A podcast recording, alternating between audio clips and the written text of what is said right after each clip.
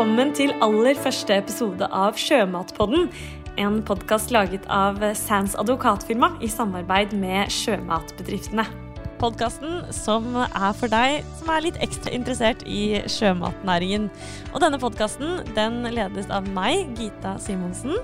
Jeg jobber som kommunikasjonsrådgiver i advokatfirmaet Sands. Men jeg har jo også med meg en ekspert. Det er advokat og partner i Sands, Halvdan Melby. Du skal være med fast, du også. Hei. Ja, det skal jeg. Fortell oss, eh, fortell oss hvem du er. Ja, jeg er, eh, som du sa, advokat og partslisens, så jeg har eh, arbeidet med, særlig med havbruksnæringen i eh, de siste 30 årene, og jobber i dag både med havbruk og fiskeri og sjømat generelt. Kan du fortelle oss eh, litt om hva vi kan forvente av denne podkasten? Hvorfor lager vi Sjømatpodden? Altså, vi tror at dette her kan være en, en god plattform for å ta opp eh, og snakke om eh, ulike emner som er aktuelle i eh, sjømatnæringen. Eh, og vi tror har liksom smålt å gjøre det slik at eh, vi gjør ganske kompliserte emner begripelige. Eh, og det er da vi to som skal være programledere, som du sa. Og vi vil få med oss gjester både fra firmaet vårt og fra næringen generelt. Vi lager også denne podkasten sammen med sjømatbedriftene. Um, og der er det mange interessante mennesker vi kan ha med inn i podkasten som kan være med å belyse interessante problemstillinger. Det er det. Sjømat, både de ansatte i sjømatbedriftene og blant medlemmene så er det selvsagt mange som er like interessert i dette som oss. Ja, det er bra. Og eh, hva er det vi skal snakke om i dag? Ja, I dag eh, skal vi snakke om eh, bekjempelse av eh, fiskesykdommer innenfor akvakultur. Eh, og da særlig reglene om infeksiøs lakseanemi, eller ILA som det forkortes, og reglene om det. Det er spesielt aktuelt eh, for tiden, fordi det er en, en, høring om det. Og dette her med, med eh, sykdom, fiskesykdommer jo, har jo mye til felles med eh, bekjempelse av, av sykdom blant mennesker, så dette er jo noe vi alle er nesten eksperter på for tiden. eh, og, det som, og, det som, kjennetegner sånne eh, sykdomsbekjempelse, eh, det er at det, det dreier seg om eh, kraftige inngrep som selvfølgelig er liksom, medisinsk eller veterinærmedisinsk begrunnet, men som trenger et klart grunnlag i et regelverk. Og så er det samtidig alltid usikkerhet når man bruker disse reglene. for det at eh, det å bekjempe sykdommer det er alltid mest krevende og krever mest inngripende tiltak frem til man på en måte har løst koden. Da er det ikke noe problem lenger. Og når vi har vaksinen for korona, så er jo ikke korona noe problem lenger. Men vi må eh, finne oss i inngrep og tyngende greier frem til vi har kommet dit. Ja, Og du har kanskje litt eh, spesielle forutsetninger for å snakke om akkurat dette? Ja, jeg har faktisk det, altså. For eh, jeg har nærmest vokst opp med disse problemene. Jeg har, hadde en far som, eh, som jobbet i Helsedirektoratet og på en måte var sin tids Nakstad. Så jeg har sånn tidlige barndomsminner fra en far som løp rundt og, og, og bekjempet kopper, de siste tilfellene av kopper og sånt. Så det er, føler at det sitter i blodet. og Hva er etter din mening da likheten mellom bekjempelse av sykdom på mennesker og fiskesykdommer? Altså Det som er likheten, er jo at man prøver å utrydde eller bekjempe sykdommer. Eh, og eh, det er jo da også regler som åpner for svært inngripende tiltak, eh, som vi jo merker i koronaen. Men med fiskesykdommer blir det enda mer dramatisk, da, for det annet så innebærer det jo at man, man tvangsslakter fisk til store verdier i, i ytterste konsekvens hos de som er så uheldige å få sykdommene. Og, og som man eh, merker når det gjelder korona nå, så slår det jo forferdelig urettferdig ut. Altså, det er eh, veldig store tap hos noen, og, og mindre tap hos andre. Mm. Men hvordan regulerer lovgivningen eh, sykdomskontroll i akvakulturnæringen da? Altså det som ligger i bunnen her, det er et veldig praktisk eh, regelverk om, om overvåkning og melding når det gjelder sykdom. Det er liksom tre hovedaktører i dette bildet. Det ene er oppdretterne. og De har da en plikt til å se til fisken hver dag, står det i loven. De skal altså systematisk sjekke om, om fisken har det fint.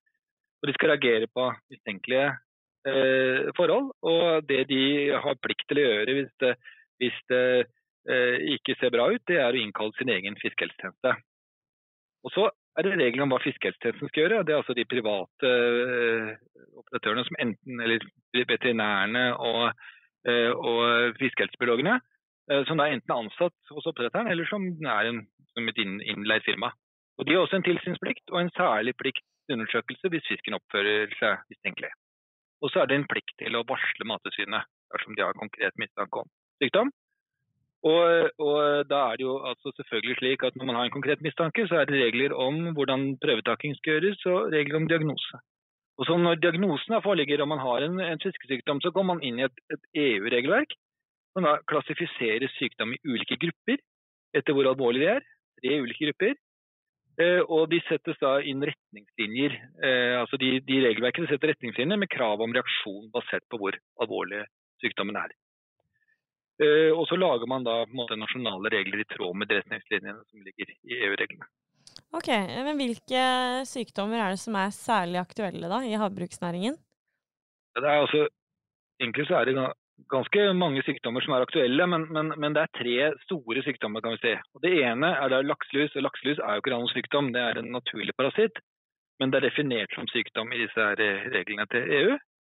Og så er det én sykdom til som er, eh, eller en annen sykdom som er stor, som heter pancreas disease, eller, eller som forkortes PD.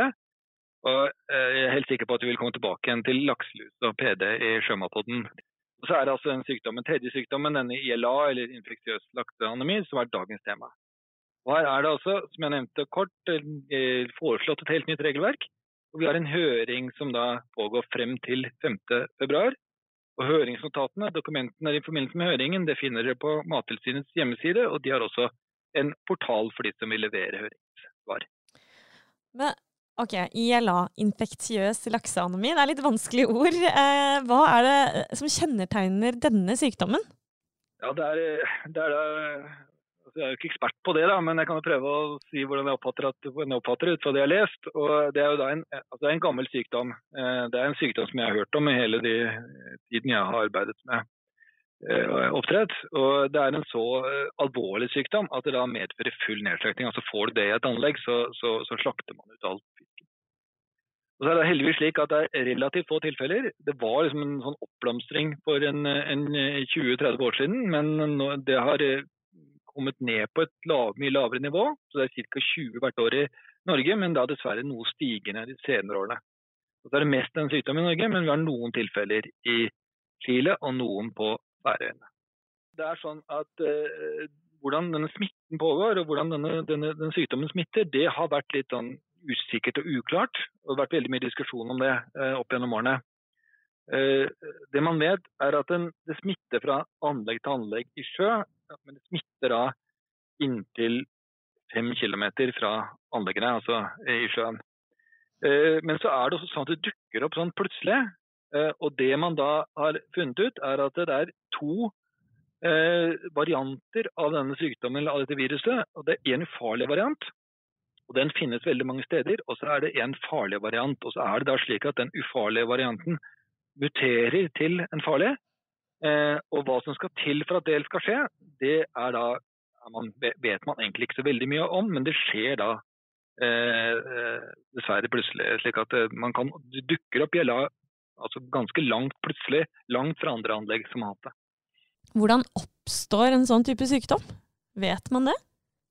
Ja, altså, det man da tror, er at det er den derre at det er enten at det da kommer et virus gjennom sjøen fra, fra andre anlegg og, og, smitter fisken, eller at det er da et virus som er der fra før, og som da muterer og blir til et annet og, og gjør sitt fisken syk. Ja. Hvordan angriper man denne sykdommen, eller hvordan bekjemper man denne sykdommen i dag? Ja, altså den, den, bekjempes da gjennom, eh, gjennom altså ved hjelp av EU-regelverket og norske regler, men det bekjempes da i utgangspunktet ved at man slakter ut syk fisk. Slik at, slik at man har ikke noe medisin mot den når den først kommer. Eh, det er bare én ting å gjøre, det er å, å, slakte ut fisken. Og den er såpass syk, såpass alvorlig at ikke fisken eh, kan leve med den. Eh, men så, det man da i tillegg gjør, er at man lager en bekjempelsessone. og Det er da ut ifra eh, praksis da, omtrent fem km rundt det anlegget som er smittet. Og Det betyr at eh, de anleggene som ligger innenfor denne bekjempelsessonen, eh, de er jo da ikke smittet av sykdommen, så der kan man jo da la fisken eh, vokse og den kan oppdrettes til slaktestørrelse. Men det er et krav om felles brakklegging. Det betyr altså at at hele den bekjempelsessonen må tømmes for fisk i to måneder i samme periode, for man får rensket opp alt av, alt av viruset. Uh, og det er, der, liksom, det er, der, den bekjempelsessonen blir spesielt tyngende. At uh, Det betyr jo at uh, den som da slaktet altså f.eks. slaktet like før smitten ble oppdaget og ikke satt ut ny fisk, han må jo vente til alle andre har slaktet ut før han kan sette ut ny fisk. og Det kan jo ta inntil to år. Det vil at Han må måtte vente med å sette ut fisk i anlegget sitt til det har gått to år. Oi, Så det er ganske store ringvirkninger hvis det først oppdages ILA? I, ja, og, ja. ja og, det, og, og, det, oppdages i et område hvor det er mange anlegg, så kan det bli eh, store ringvirkninger og store økonomiske tap. Uh, og, og, og, Det betyr jo også at den ytre grensen, på en måte, altså den der grensen som da skal ligge omtrent fem km unna, den, den, vil være, den, vil jo være, vanskelig å trekke. og Du kan tenke deg at uh, den oppdretteren som har anlegg som ligger 4,9 km eller 5,2 km fra, fra det anlegget der det har vært sykdom, han vil kjempe ganske hardt for å slippe å komme inn i den sonen. I hvert fall hvis han akkurat har, har slaktet ut fisken sin. Mm. Så, så, så, der er det, der er det, det er vanskelig, altså. Og så I tillegg så har vi da altså regler om noe som heter ILA-fritt segment. Det vil altså si regler om ILA-frie områder. De er veldig viktige for dampfiskanlegg, det vil altså si anlegg som skal selge yngel. Eh, for de må ligge i et område som da er erklært smittefritt for å kunne selge yngelfritt, eh, særlig i det internasjonale markedet. Eh, og Det er jo ganske utfordrende for et sjøanlegg for stamfisk som da vil være avhengig av naboanleggene, og som vil være avhengig av at naboanleggene oppfyller kravene for at de er gjeldafrie. Eh, og Det eh, viser seg å være vanskelig å få til for disse sjøanleggene. slik at for mange oppdrettere, stamfiskanlegg, vil det kanskje være aktuelt at de er nødt til å flytte de stamfiskene over i landanlegg for å oppfylle de kravene om gjeldafritt segment. Ja, det høres ut som en uh, prosess. uh, men nå er det altså foreslått nye regler. Uh, er det pga. at det er litt sånn vanskelig, eller hvorfor er det ønske, ønskelig med nye regler? Ja, det, det, det, er ikke helt lett å forstå ut fra det som er, det som er skrevet i høringen. Men, men altså det som er poenget er at det, har kommet en ny EU-forordring Eh, om bekjempelse av fisksykdommer. Og en sånn forordning er jo da et regelverk i EU som er bindende for Norge gjennom EØS-avtalen, og som også er liksom den, eh, den, regeltypen i EU som er mest bindende, altså forordninger. Men det som da er litt vanskelig å forstå hvorfor, det er altså at denne sykdommen ILA er da nedklassifisert i, den, i det systemet. Slik at I dette EU-regelverkssystemet så er det på en måte nedklassifisert og eh, satt ned til en sykdom som ikke er så farlig. Og, og, Det betyr at dette nå, fra å være en sykdom som Norge var forpliktet til å bekjempe gjennom offentlige tiltak, så er dette da en sykdom nå som Norge kan velge om de vil bekjempe offentlige tiltak eller ikke. Og, og Det er egentlig det som er bakgrunnen for den høringen som har kommet. Ja, Men sa du ikke tidligere at den type sykdommen var kjempeskummel for fiskeoppdrett? Jo, derfor er det eh, altså Jeg har ikke helt skjønt hvorfor den er nedklassifisert. Men det Mattilsynet gjør med den høringen, er på en måte å dra konsekvensen av det. Altså Når den er nedklassifisert og eh, når da Norge kan velge om de vil bekjempe den med offentlige tiltak eller ikke, så må vi nesten dra ut og spørre eller spørre folk hva de mener om det. for Det er systemet i Norge. Eh, så det, det, er, det, er, sånn jeg oppfatter det egentlig bakgrunnen for at denne høringen kommer nå. Det er Ikke noe med at, eh, at sykdommen er oppfattet som mindre alvorlig enn det den var tidligere. Ok, og I Mattilsynets høring så er det foreslått ulike alternativer, og hva innebærer de? Ja, Det har vært en sånn høringsprosess, så, så, så, så de, er, de, er, eh, de, har gått egentlig fra fem alternativer ned til tre. Eh, og, det, og, Disse tre alternativene er egentlig to hovedalternativer, som da er enten frivillig bekjempelse eller offentlige tiltak. Og, og Hvis man da har en frivillig bekjempelse, så betyr jo det ganske eh, naturlig at eh, næringsaktørene selv bestemmer hvordan sykdommen håndteres. Eh, og da eventuelt gjennom avtaler seg imellom. Eh, og at myndighetene da begrenser seg til å tilby et slags frivillig overvåkningsprogram eh, med tiltak som da er frivillige, og som oppdretterne kan, kan trekke seg fra når de ønsker. Og Det som da ligger i dette regelverket og dette forslaget, det er altså at det er en varslingsplikt og andre mindre inngripende forpliktelser, men det er ikke noen plikt til utslakting. Eh, og så er det også sånn at det forslaget innebærer en plikt til vaksine, som jeg skal komme litt tilbake til. Det er, det er da de frivillige tiltakene. og Alternativet er da offentlige tiltak. og Da er det egentlig sånn at det Mattilsynet har, har, foreslått, det er regler som er ganske like de som vi har i dag. Men da ikke som et, et tiltak som vedtas av Mattilsynet, men et tiltaksprogram som da må godkjennes av EU, og som er da tenkt innført trinnvis i en prosess for å få uh, ulike områder i landet godkjent som GLA-fri. Det er omtrent de samme reglene, men litt sånn, mer sånn EU-styrt prosess. Ja, jeg syns fortsatt det er litt sånn uklart om uh, Jeg forstår ikke hvorfor det ikke er plikt til utslakting, f.eks. rundt med dette innenfor frivillig bekjempelse, uh, hvis, hvis, sykdommen er så farlig. ja, nei, det, det, det jeg skjønner godt. Altså, det, det er jo egentlig Eh, altså dette, dette, er egentlig, tror jeg Fra Matsynets eh, side så er det jo egentlig en, en, høringsrunde som de oppfatter at de er nødt til å ta pga. at de har fått denne åpningen for å ha eh, egne norske tiltak.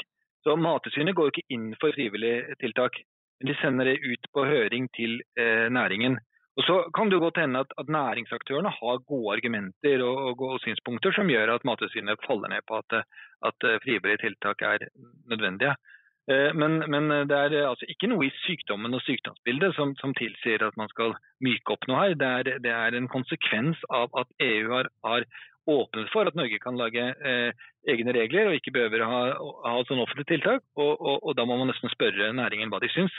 Ja, ok, jeg skjønner. Før man, før man eventuelt treffer reglene. Men, men, hva Mattilsynet mener er jo ganske klart i høringen. Da. De anbefaler offentlige tiltak for det.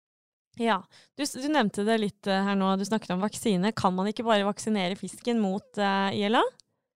Eh, altså det finnes vaksine, eh, men, men det, det, fremstilles iallfall i høringen som det er vaksiner som har en litt usikker effekt.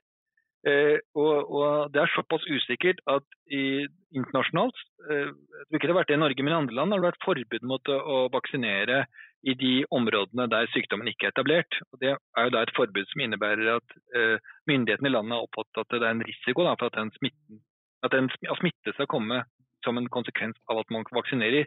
Det betyr jo at det er ganske enkelt at vaksinen ikke har vært sikker nok. Men, ja. men Mattilsynet tror altså at det er et egnet tiltak. Og, og, eh, de offentlige tiltakene de foreslås da i to alternativer, med eller uten vaksineplikt. Dette er også en del av høringen om man skal ha det eller ikke. Ok. Hvor ligger de rettslige utfordringene i et uh, regelverk som dette? Da må vi på en måte gå litt ut av akkurat denne, denne gjelda-spørsmålet konkret. Da. Men man kan generelt si at det er to eh, rettslige krav som er veldig sentralt for den typen regler som vi snakker om her. Eh, det ene er da et saksbehandlingskrav eller et, et, krav til utredning. Altså at de faktiske forholdene som begrunner vedtakene må være utredet. Og, og, men det kan jo også, da også være nødvendig å reagere på mistanken når det gjelder sykdom, slik at, slik at den, den utredningsplikten kan være utfordrende.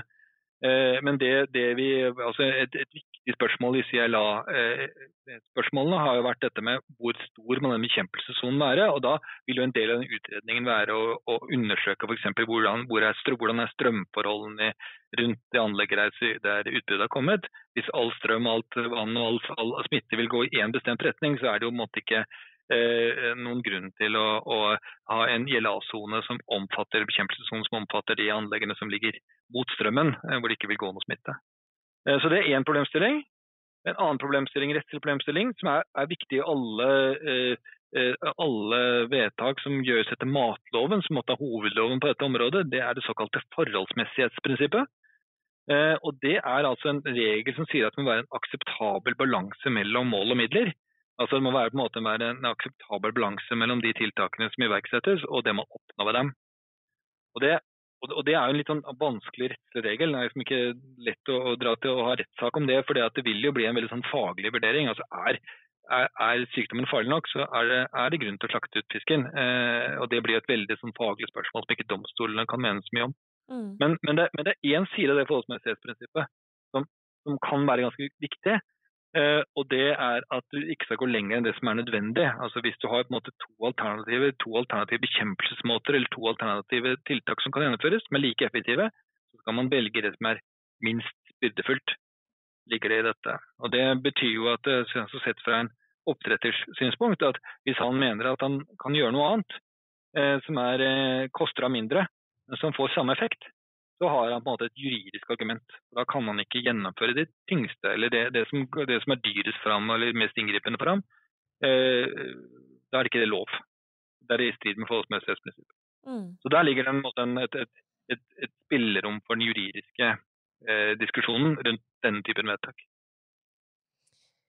Men hva tror du er de vanskeligste juridiske spørsmålene eh, som kan kunne oppstå i fremtiden rundt dette?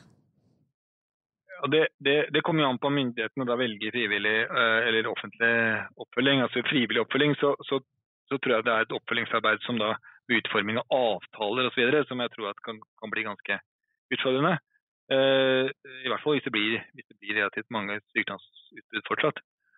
Uh, men fortsetter man med et regime som ligner som det man har i dag, og og eh, det fortsatt blir en del sykdomsutbrudd, så tror jeg faktisk at det er et problem som ikke er berørt i denne høringen, som, som kanskje kan bli det som er juridisk mest utfordrende. Og det ligger i at altså både matloven og forvaltningsretten innebærer at oppdretteren har rett på en individuell vurdering, eh, bl.a. Av, av denne forholdsmessigheten. Både ved iverksettelsen av tiltak og underveis, hvis det er langvarige tiltak.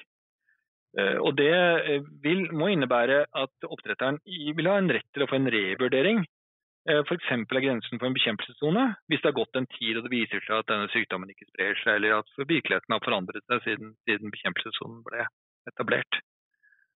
Og, og, Det er en rett som bør slå fast i regelverket. Og selv om den ikke slås fast, så er det en rett som antagelig vil ligge der, og som jeg vil tro at det kan bli rettslige konflikter også om framover.